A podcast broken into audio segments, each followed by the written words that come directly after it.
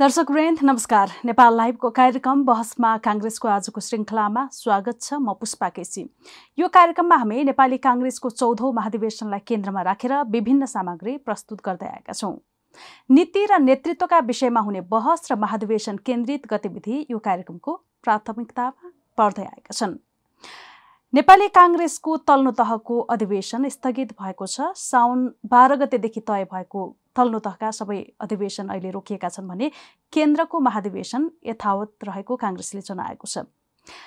यही नेपाली काङ्ग्रेसको आउँदो महाधिवेशनलाई केन्द्रमा राखेर हामी आज छलफल र बहस गर्दैछौँ। यसका लागि हामीसँग हुनुहुन्छ नेपाली काङ्ग्रेसकी केन्द्रीय सदस्य सरिता प्रसाई। स्वागत छ यहाँलाई। धन्यवाद सन्चै हुनुहुन्छ? सन्चै छ। नेपाली काङ्ग्रेसको अब पर्सिबाट सुरु हुने थियो होइन महाधिवेशन स्थगित नभएको भए ओडा तहबाट तर स्थगित गरिएको छ। तपाईँको यसमा उत्साह कस्तो छ? उत्साह कायमै छ कि अथवा मौलाए कि निर्वाचन हुने नहुने अनिश्चित जस्तै छ? के छ?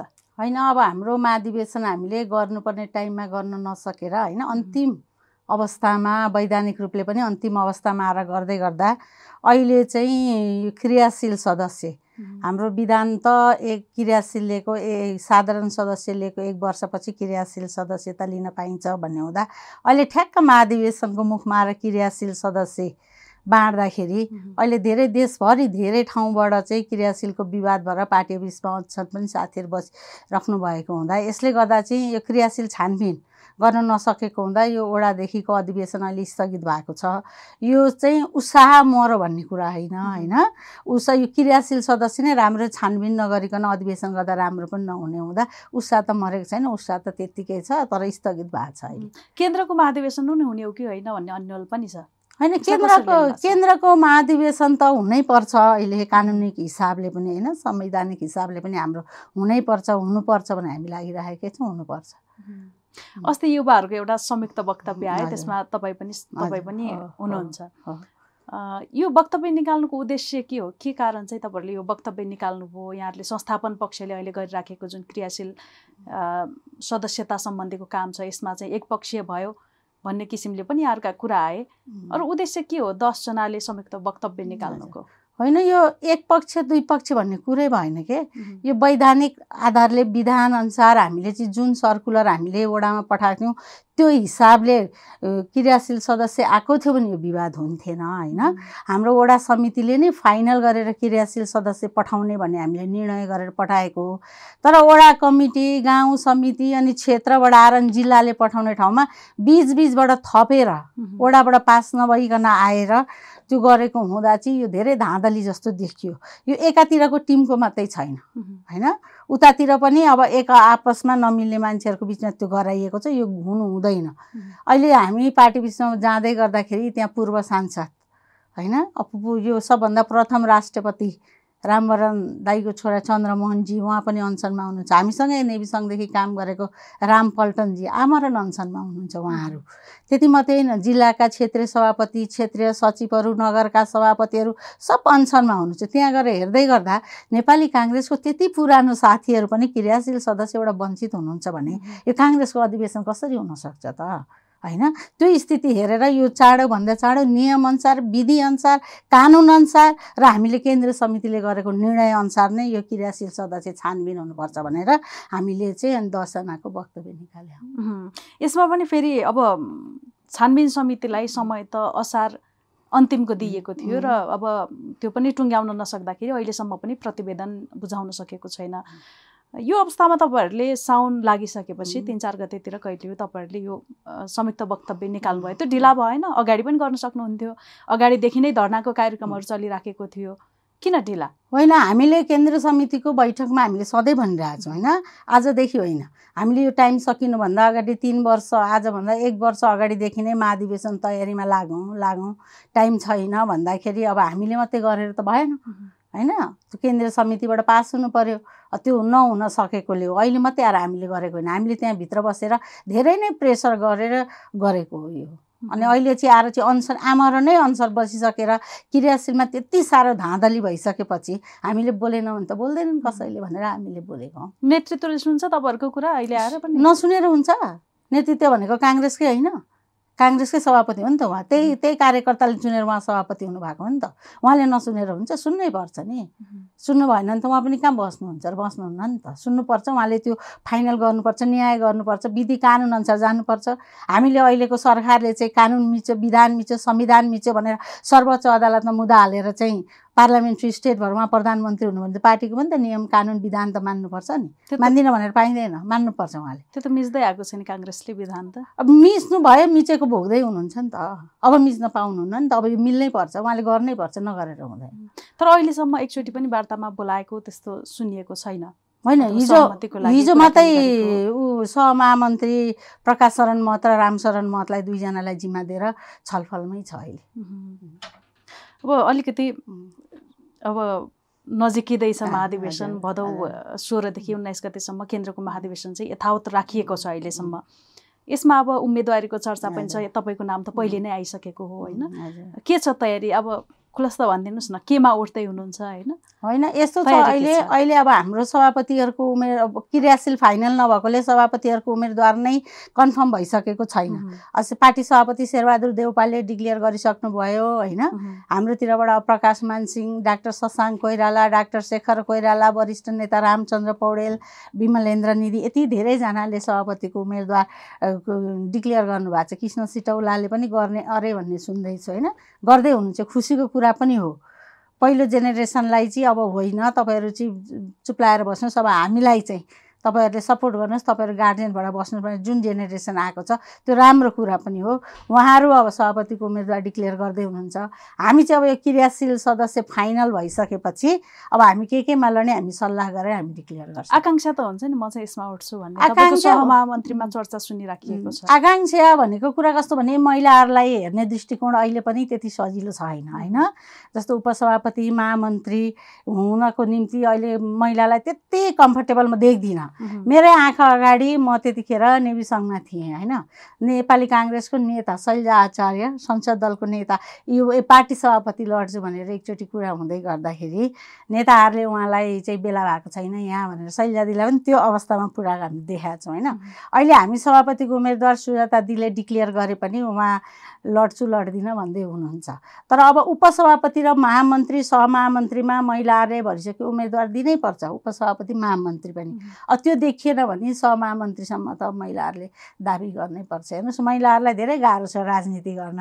अब अहिले त पार्टीमा सिनियर लिडर महिलाहरू हुनुहुन्न। टिकट बाँड्ने ठाउँमा पनि महिलाहरू कम भएकोले महिलाहरूले धेरै कमले टिकट पाए होइन? त्यस कारणले गर्दा हामीले भिन्नै पर्ने अवस्था छ। अब हेरौँ सल्लाह गरेर केमा लड्ने फाइनल गर्छौँ। अब नेतृत्वले त दिने नै छाटकाट देखिँदैन नि त तपाईँहरूलाई जति पनि अब एउटा जो अग्रपङ्क्तिमा हुनुहुन्छ महिला नेतृत्व नेत्रीहरू काङ्ग्रेसमा। उहाँहरू सबै सहमहामन्त्रीमै कुरा गरिराख्नु भएको छ। यो अवस्थामा त सधैँ जहाँनिर चाहिँ तिमीहरू बस भन्यो नेतृत्वले त्यहीँनिर. बसिराख्दाखेरि त तपाईँहरू कहिले पुग्नुहुन्छ त्यो नेतृत्व गर्ने ठाउँमा जहाँ चाहिँ तपाईँहरू आफ्नो कुराहरू सशक्त ढङ्गले राख्न सक्नुहुनेछ. त्यो ठाउँमा कहिले पुग्ने? होइन अब हामीभन्दा सिनियर दिदीहरू पनि हुनुहुन्छ। अम्बिका दिदी मिना दिदी होइन? उमा दिदी डिना दिदी अब कमला पन्त उहाँहरू हुनुभयो होइन हामीभन्दा सिनियर दिदीहरू। अब उहाँहरूले हिम्मत गर्नु पर्यो माथि लड्न। उपसभापति महामन्त्री लड्नलाई। अब लड्नु भएन भने अब सहमहामन्त्रीमै उहाँहरू पनि लड्ने भए त्यतिखेर पनि अब कम्पिटिसनमा जाने हो कसले जित्छ। अब जो आए पनि महिला आउँछ। त्यसमा केही आपत्ति हुँदैन। सभापति लगायत अन्य नेतृत्वमा चाहिँ नयाँ पुस्ता आउनुपर्छ भन्ने तर तपाईँहरू चाहिँ फेरि अगाडिको दिदीहरूलाई देखाएर यो पन्छिन खोजेको अनि आरोप लाग्ला नि। त्यस्तो होइन यस्तो नि त। अब महिलाहरू लड्न इच्छा छ भने त हामीले लडिसकेपछि जित्ने हिसाबले लड्नु पर्यो नि होइन. लड्नको लागि लड्ने मात्रै त भएन। त्यस कारणले उहाँहरू पनि लड्ने गर्नु गर्नेको उहाँहरूको इच्छा छ भने उहाँहरूलाई पनि त हामीले सहयोग गर्नु उम्, सबै महिला एकजुट भएर लडेन भने त जितिन्छ भन्ने त देखिँदैन। योभन्दा अगाडि खुल्लामा डिना उपाध्याय लड्दाखेरि त जिताउन सकिएन। होइन? हामी महिला एक भएनौँ। त्यस कारणले महिला जुन जुन पदमा लडिन्छ भरिसके महिलाहरू चाहिँ जित्ने किसिमले लडौँ भन्ने मेरो चाहिँ चाहना हो कि।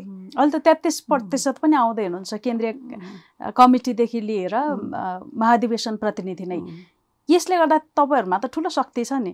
होइन यस्तो हुन्छ। शक्तिलाई कसरी प्रयोग गर्नु होइन महिलाहरू चाहिँ कस्तो भने महिलाहरूले आफ्नो विवेक प्रयोग गरेर आफ्नो अधिकारको निम्ति होइन हामी भिडेर हामी महिलाहरूलाई जिताउँछौँ भनेरै भन्नुपर्छ जस्तो मलाई लाग्छ। त्यसैले त जति हामी महिलाहरू छौँ एकजुट भएर कुन कुन पदमा को को लड्ने हो सहमति गरेको भने सबै महिलाहरूलाई सजिलो पनि हुन्छ। र उहाँहरूको निम्ति लड्नलाई हामीलाई पनि पछि सजिलो हुन्छ होइन। अब एउटै पदमा तिन चारजना पाँचजना महिला लड्यो भने अब एक महिलाले एउटालाई भोट दिने हुन्छ अर्को सबै महिला हारिन्छ। त्यस कारणले भरिसके कम महिला उठ्ने सबै पदमा उपसभापति महामन्त्रीदेखि सहमहामन्त्री केन्द्रीय सदस्य अहिले त धेरै क्लस्टरको पनि प्रावधानहरू भएकोले सबैजना उठेर महिलाहरूले चाहिँ एकै ठाउँ भोट हाल्ने परिस्थिति बनाएर महिलाहरू जितौँ भन्ने चाहिँ मेरो इच्छा हो। अब के हुन्छ भन्न सकिँदैन। एकरूपताको लागि जस्तो कि चार हजार एक सय पच्चिस महाधिवेशन प्रतिनिधि हजुर. मध्ये उम्, चौध सय बढी महिला प्रतिनिधि सहभागी हुने सम्भावना छ होइन?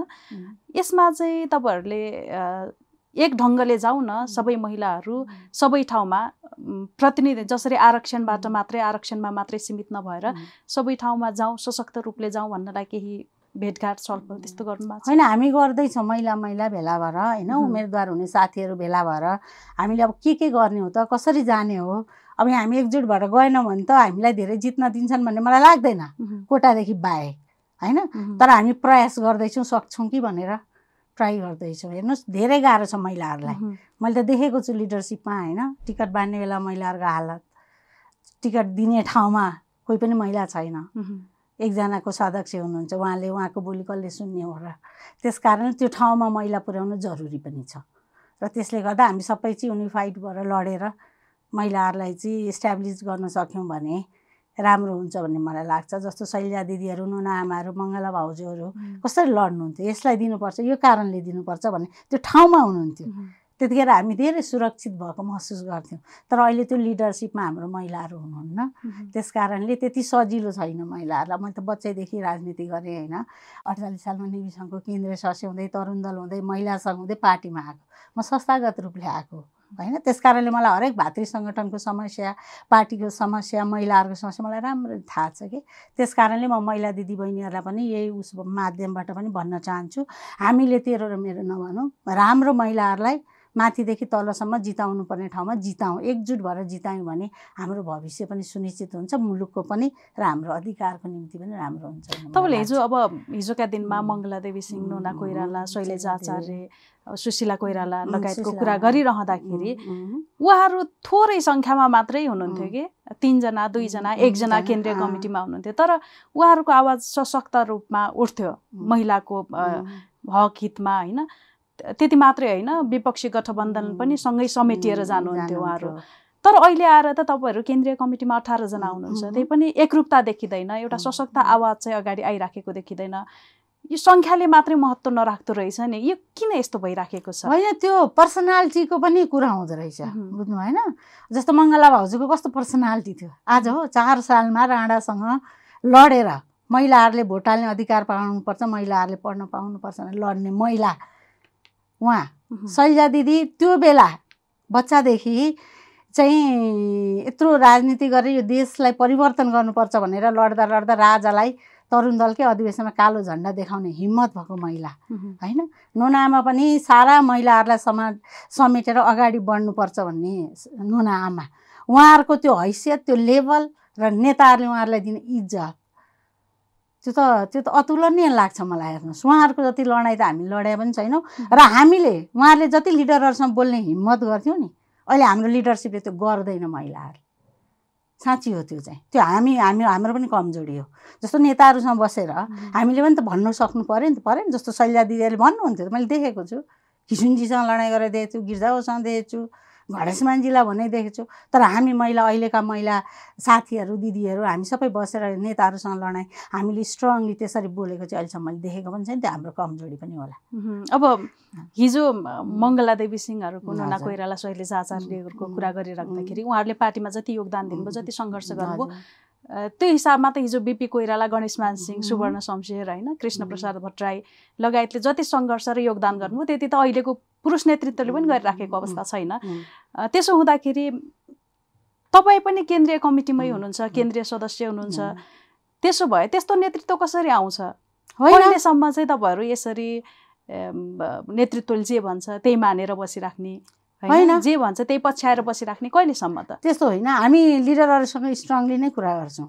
जस्तो हामी पार्टीको बारेमा छलफल गर्दा केन्द्रीय समिति हामी बोल्ड कुराहरू राख्छौँ होइन? किनभने हामी पनि गाउँ घुमेका छौँ जिल्ला घुमेका छौँ पार्टीको परिस्थिति बुझेको छौँ साथीहरूले भनेको कुरा केन्द्रीय कार्य समिति हामी राख्छौँ। त्यति मात्रै होइन हामी लिडरसँग कोठामा पसेर पनि राख्छु म चाहिँ। मलाई चित्त बुझेन र यो कुरा चाहिँ गलत छ। साथीहरूको भावना यो छ भनेर मैले सभापतिदेखि वरिष्ठ नेताहरू सबैसँग म राख्छु। तर अझै पनि हाम्रो पार्टीको महिलाहरू एक भएर हामीले नेताहरूसँग हाम्रो लडाइँ अलिक कम भयो कि भन्ने मलाई पनि फिलिङ भएको हो। किनभने गल्ती त रियलाइज गर्दै गयो भने मान्छे पनि अगाडि जान्छ होइन? अझै हामीले लड्नै पर्छ हेर्नु। सजिलै हामीलाई दिँदैन। साँच्ची हो। लड्नै पर्छ।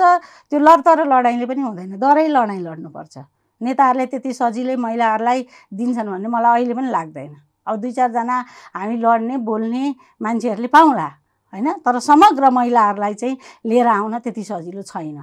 र म महिलाहरूलाई आग्रह पनि गर्न चाहन्छु। जिल्ला तहको महिलाहरू जिल्ला नेतृत्वमा बस्नुभएको महिला दिदीबहिनीहरूलाई पार्टीमा भएको गलत कुरा यो गलत भयो भनेर पार्टीमा हामीले बोल्न सक्नु पऱ्यो नि त परेन।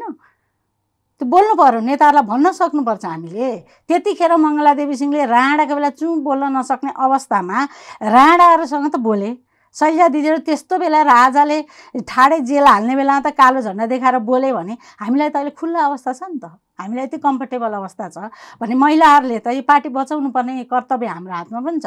त्यस कारणले जिल्ला स्तरीय वडा स्तरीय केन्द्रीय स्तरमा हामी जहाँ जहाँ महिला छौँ त्यो महिलाहरूले चाहिँ पार्टीभित्र भएको यो सिस्टम खिलाफमा विधान विपरीत भएका कुराहरू चाहिँ स्ट्रङली उठाएर पार्टीलाई सही ट्र्याकमा ल्याउनुपर्छ भन्ने पनि म आग्रह गर्न चाहन्छु। यसको कारण के हो त तपाईँहरू एकजुट हुन नसक्नुको सशक्त रूपमा आफ्नो आवाज बाहिर मुखरित गर्न नसक्नुको कारण चाहिँ गुटको प्रभाव हो पार्टीभित्र? गुटको प्रभाव पनि होइन। हेर्नुहोस् यो कस्तो रहेछ भने अब पहिला धेरै कम थियौँ महिलाहरू होइन? अब अहिले अलिक धेरै तेत्तिस पर्सेन्ट हामीले संविधानमा लेखेपछि सबैतिर भएपछि महिलाहरू आउनु भएको छ तर उहाँहरूलाई अब यो प्र्याक्टिस पनि अलिक कम छ। नेताहरूको अगाडि बोल्नुहुन्छ हुँदैन। अब कति बोल्ने होइन? अब डर पनि लाग्छ नि त। एकैचोटि सिनियर नेता ठ्याक्क देख्दाखेरि अलिकति डर पनि लाग्छ।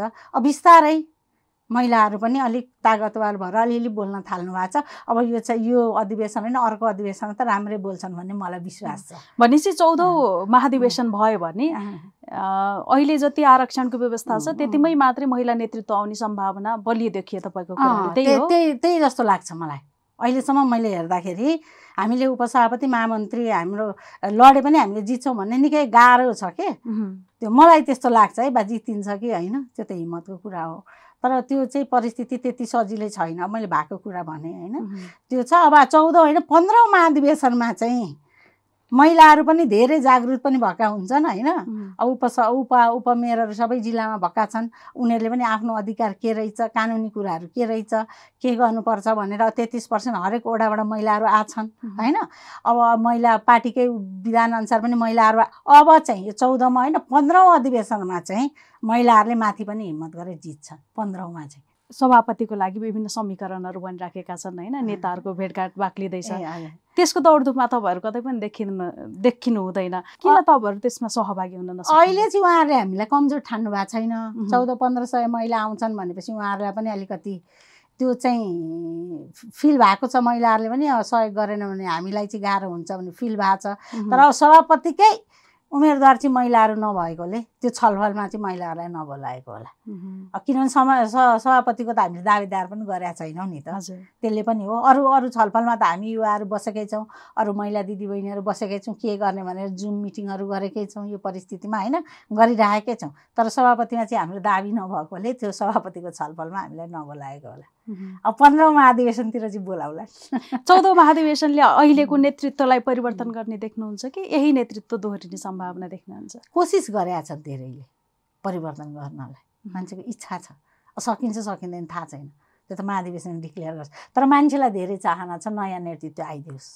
भन्ने छ। अब सकिन्छ सकिँदैन महाधिवेशनमा हेर्नु चाहिँ। जिल्ला पुगेर पनि भर्खरै आउनुभएको छ। अझ राम्रोसँग थाहा होला तपाईँलाई। के छ कार्यकर्ताहरूमा? मान्छेलाई इच्छा चाहिँ कस्तो हुन्छ भने धेरै यहाँ मात्रै होइन। विदेशमा बस्ने साथीहरूलाई पनि कस्तो लाग्छ भने हामी आजभन्दा दस वर्ष अगाडि जाँदा पनि उहाँहरू नै नेता हुनुहुन्थ्यो उहाँहरू नै प्रधानमन्त्री हुनुहुन्थ्यो उहाँहरू नै चाहिँ सभापति उपसभापतिहरू हुनुहुन्थ्यो। अहिले पनि उहाँ नै भनेपछि परिवर्तन चाहिँदैन? भन्ने छ। जनतामा पनि के छ भने अब युवाहरू आउन्। अलिकति जोसिलो मान्छेहरू आउन् होइन?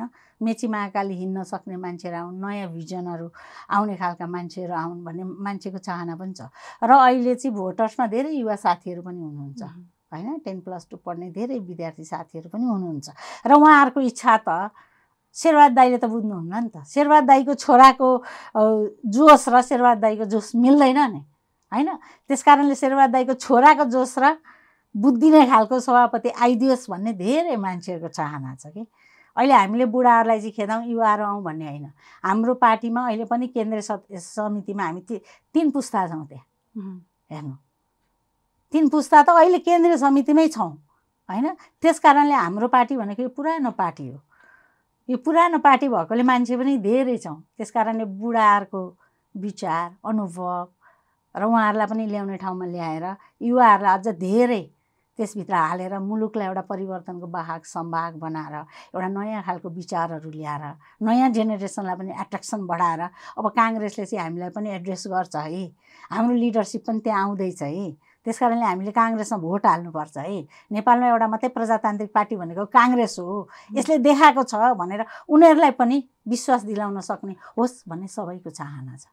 काङ्ग्रेसमा युवा नेतृत्व कसरी आउँछ? जब कि तरुण दलको तरुण दल निष्क्रिय छ विद्यार्थी सङ्घ निष्क्रिय छ होइन? महिला सङ्घ पनि निष्क्रिय छ अन्य भातृ संस्थाहरू पनि निष्क्रिय छ। यो अवस्थामा कसरी युवा नेतृत्वको अपेक्षा राख्ने काङ्ग्रेसबाट? अहिले तपाईँलाई भन्छु अहिले प्रधानमन्त्री पनि नेवी सङ्घको अध्यक्ष गृहमन्त्री पनि नेवी सङ्घको अध्यक्ष पूर्व अध्यक्षहरू। अनि कानुन मन्त्री पनि नेवी सङ्घको पूर्व अध्यक्ष ती तिनजना पूर्व अध्यक्ष हुनुहुन्छ होइन? अस्ति हामीलाई साथीहरू एकचोटि हामीले नेवी सङ्घको साथीहरू बस्या पनि थियौँ। उहाँहरूले भन्नु यत्रो ती तिनजना चाहिँ पूर्व अध्यक्षहरू गभर्मेन्टमा हुनुहुन्छ। तपाईँहरू केन्द्रीय समितिमा पनि प्रायः प्रायः हामी पूर्व नेवी सङ्घको पूर्व अध्यक्षहरू सबै नै हुनुहुन्छ। सबै एक दुईजना बाहेक सबैजना अध्यक्ष हुनुहुन्छ भने निविसङ्घको हालत यो किन? होइन हामीले त बारम्बार उठाएको केन्द्रीय समितिमा बारम्बार। अब हामीले लेखेर दिन नमिल्ने। तरुण दललाई फुलफिल गरौँ चारजना हामीले चाहिँ पोखरामा अधिवेशनबाट गरेर लिएर आएको त्यहाँदेखि फुलफिल गर्न सकिएन। होइन? महिला सङ्घ त अधिवेशन भएर आयो तर महिला सङ्घ अलिकति एक्टिभ भएर लागेको छ। तर जुन तरिकाले हाम्रो भातृ सङ्गठनलाई इन्ट्याक राखेर एउटा अगाडि बढाएर गएको भए चुनावमा अलिक हामीलाई कम्फर्टेबल पनि हुन्थ्यो। त्यो भातृ सङ्गठनहरू डह्रो नभएर कमिटीहरू नभएर पनि हामीलाई घाटा लागेको हो। तर जुन भातृ सङ्गठनमा आउने साथीहरू त काङ्ग्रेसमै हुनुहुन्छ नि त। त्यस कारणले युवा नेतृत्वहरू आउन सक्छन् भन्ने मलाई विश्वास छ। तर हामीबाट गल्ती भयो हामीले भातृ सङ्गठनलाई चुस्त दुरुस्त राख्न सकेनौँ। म त्यही केन्द्रीय समितिमा भएकोले मैले त्यो रियलाइज पनि गर्नुपर्छ। तर मैले त्यहाँभित्र फाइट गरेँ। फाइट गरेँ। मैले चाहिँ बारम्बार तरुण दलको त्यो समायोजन कमिटीमा म पनि थिएँ। अहिलेको गृहमन्त्री संयोजक हुनुहुन्थ्यो हामी थियौँ। हामीले बारम्बार भनेको। केन्द्रीय समितिको बैठकमा पनि उठाएको। नेविसङको बारेमा पनि हामी नेविसङबाटै आएको मान्छेलाई त नेविसङ तरुण दलको माया हुन्छ नि होइन? हामीले उठायौँ तर हामीले त्यो गर्न सकेनौँ। किन सुन्दैन नेतृत्वले यो कुरा? महसुसै गर्दैन गर्दैन कि नेतृत्व गरौँला गरौँला गरौँला नि भन्नुहुन्छ। अब के भन्ने? गरौँला भन्नुहुन्छ। अब हामीले त त्यहाँ लड्ने न हो होइन? हामीले सही गरेर दिएर त हामीले गर्न सक्दैनौँ। भन्ने हो भिड्ने हो भिड्यौँ तर सकेन। त्यही भएर चाहिँ नयाँ लिडरसिप आउनुपर्छ। जोस भएको जाँगर भएको फ्याट फ्याट फ्याट गर्ने। मेचीबाट बोलायो भने ठक्क पुग्ने। एउटा नेताले फोन आयो भने ठक्क उठाएर ल है साथी यो भन्ने खालको लिडरसिप अहिलेको टाइम अनुसार आओस् भन्ने सबैको चाहना हो त्यसैले। अहिले जो नेतृत्वमा हुनुहुन्छ उहाँहरूबाट यो लिडरसिपको अपेक्षा गर्न सकिन्छ कि? नयाँ अनुहारबाट मात्रै यो अपेक्षा छ अहिलेकै लिडरसिपबाट त त्यति कसरी गर्न सकिएला त होइन? उहाँहरूको एज पनि भइसक्यो। अब उहाँहरूलाई गर्दा गर्दा थाहै कति गर्नु उहाँहरूले? उहाँहरूले गरेर यहाँसम्म त ल्याइदिनु भयो त। अब उहाँहरूले पनि ह्यान्डओभर गरिदियो हुन्छ नि त हुँदैन। बिपिआरले गरिदिनु भयो गिर्जावले सुशील कोइरालालाई कार्यभाग दिएर गर्नुभएको थियो होइन? उहाँहरूले पनि त गरिदिए हुन्छ नि त। जोस भएका जाँगर भएका छन् त। उहाँहरूको उहाँहरू गृहमन्त्री भएको उमेरका त अहिले त हामी पुगिसक्यौँ त होइन? तर उहाँहरूले हामीलाई चाहिँ केटाकेटी नै देख्ने। त्यो त भएन नि त। आफू त्यो बेला हुँदा छत्तिस वर्ष चालिस वर्षमा उहाँहरू त गृहमन्त्री पार्टीको ठुल्ठुलो पोस्टमा भइसक्नु भएको थियो। तर अहिलेको जेनेरेसनलाई चाहिँ किन उहाँहरूले नपत्याउने त? त्यो पत्याएर उहाँहरूले ह्यान्डओभर गर्नु पऱ्यो नि त। सहज तरिकाले गरिदिए गरिदिनुहोस् भन्ने मेरो चाहना हो कि। किनभने अहिले यति मान्छेहरू आएको छन् युवाहरू उनीहरू त मैसँग पनि नजिक छैनन्। हामी नै रि बुढा जस्ता भइसक्यौँ। भएनौँ? भयो नि त। अहिलेको जेनेरेसन हाम्रै घरमा पनि परिवार भेलाउँदा पनि त्यो हाम्रोभन्दा तलको जेनेरेसनसँग हामीले कुरा गर्दा उनीहरूको कुरा सुन्दा हामीलाई छक्क लाग्छ। तपाईँहरू आउटडेटेड भइसक्नुभयो भन्छन् हामीलाई। भनेपछि अहिलेको लिडरसिप त अनि भन्नु त त्यस कारणले उहाँले पनि सौहार्दपूर्ण वातावरणमा अबको जेनेरेसन यस्तो आइरहेछ र दुई तरिका तिन तरिकाकालाई सबैलाई मिलाएर लानुपर्ने परिस्थिति भएकोले यसरी ह्यान्डओभर गरौँ यो गरौँ भन्दै एकदम राम्रो हुन्थ्यो भन्ने मलाई लागेको छ। काङ्ग्रेसभित्रै पनि फेरि एज होइन एजेन्डाले चाहिँ नेतृत्व लिने हो भन्ने पनि एउटा तर्क छ। कसरी हेर्नु यस्तो हो। एज होइन एजेन्डा त एकदम राम्रो कुरा हो सुन्नलाई होइन? तर आज संसारभरि हेर्नु त संसारभरिका राष्ट्रपति प्रधानमन्त्री कति उमेरका छन्? क्यानाडाको राष्ट्रपति हेर्नु त फेरि फेरि मेट्रोमा हिँडिरहेको देखिन्छ होइन? ओबामा चाहिँ राष्ट्रपति एउटा फुत्केर हिँड्दा एउटा सिम्पल रेस्टुरेन्टमा बसेर खाएर काम गरेर बसिरहेको देखिन्छ हो नि त? हाम्रो देशको पनि त राष्ट्रपति प्रधानमन्त्री पार्टी सभापति त्यो खालको होस् भने हामीलाई पनि इच्छा नि त। नेपाली जनतालाई पनि छ नि त। यस्तो खालको लिडरसिप आयो भने हाम्रो चेन्ज छिटो हुन्छ। जति म मेरो एजले काम गर्न सक्छ त्यो काम त अहिले शेरबहाद दाईहरूले त गर्न सक्नुहुन्न नि त। त्यो एज फ्याक्टरले पनि दिँदैन क्या। चाहँदा हुँदा हुँदै पनि उहाँहरू सक्नुहुन्न। कति गए पुरा बिर्सिन्छ थकाइ लाग्छ रेस्ट गर्ने टाइम हो होइन? त्यसले पनि त दिँदैन। त्यो कुरा त बुझ्नु पऱ्यो नि। मन त केटाकेटी भएर के गर्नु? यङ भएर के गर्नु? आफ्नो एजले दिँदैन गर्न चाहेको कुरा गर्न सकिँदैन। भनेपछि त्यो त राम्रो तरिकाले छोडिदिएको भए राम्रो हुन्थ्यो भन्ने मलाई लाग्छ कि। अब महाधिवेशन सर्ने चर्चा पनि त्यत्तिकै छ र विकल्प विभिन्न विकल्पमध्ये पनि कुराकानी भइराखेको छ।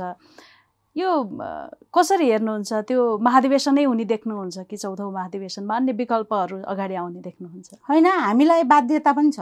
संवैधानिक रूपले हामीलाई बाध्यता छ नेपाली काङ्ग्रेसलाई होइन? त्यो टाइममा हामीले अधिवेशन गरेनौँ भने हामीलाई कानुनले पनि अवैध घोषणा गर्न सक्ने परिस्थिति पनि छ। अब त्यसलाई कसरी सहजीकरण हुन्छ त्यो मलाई थाहा छैन होइन?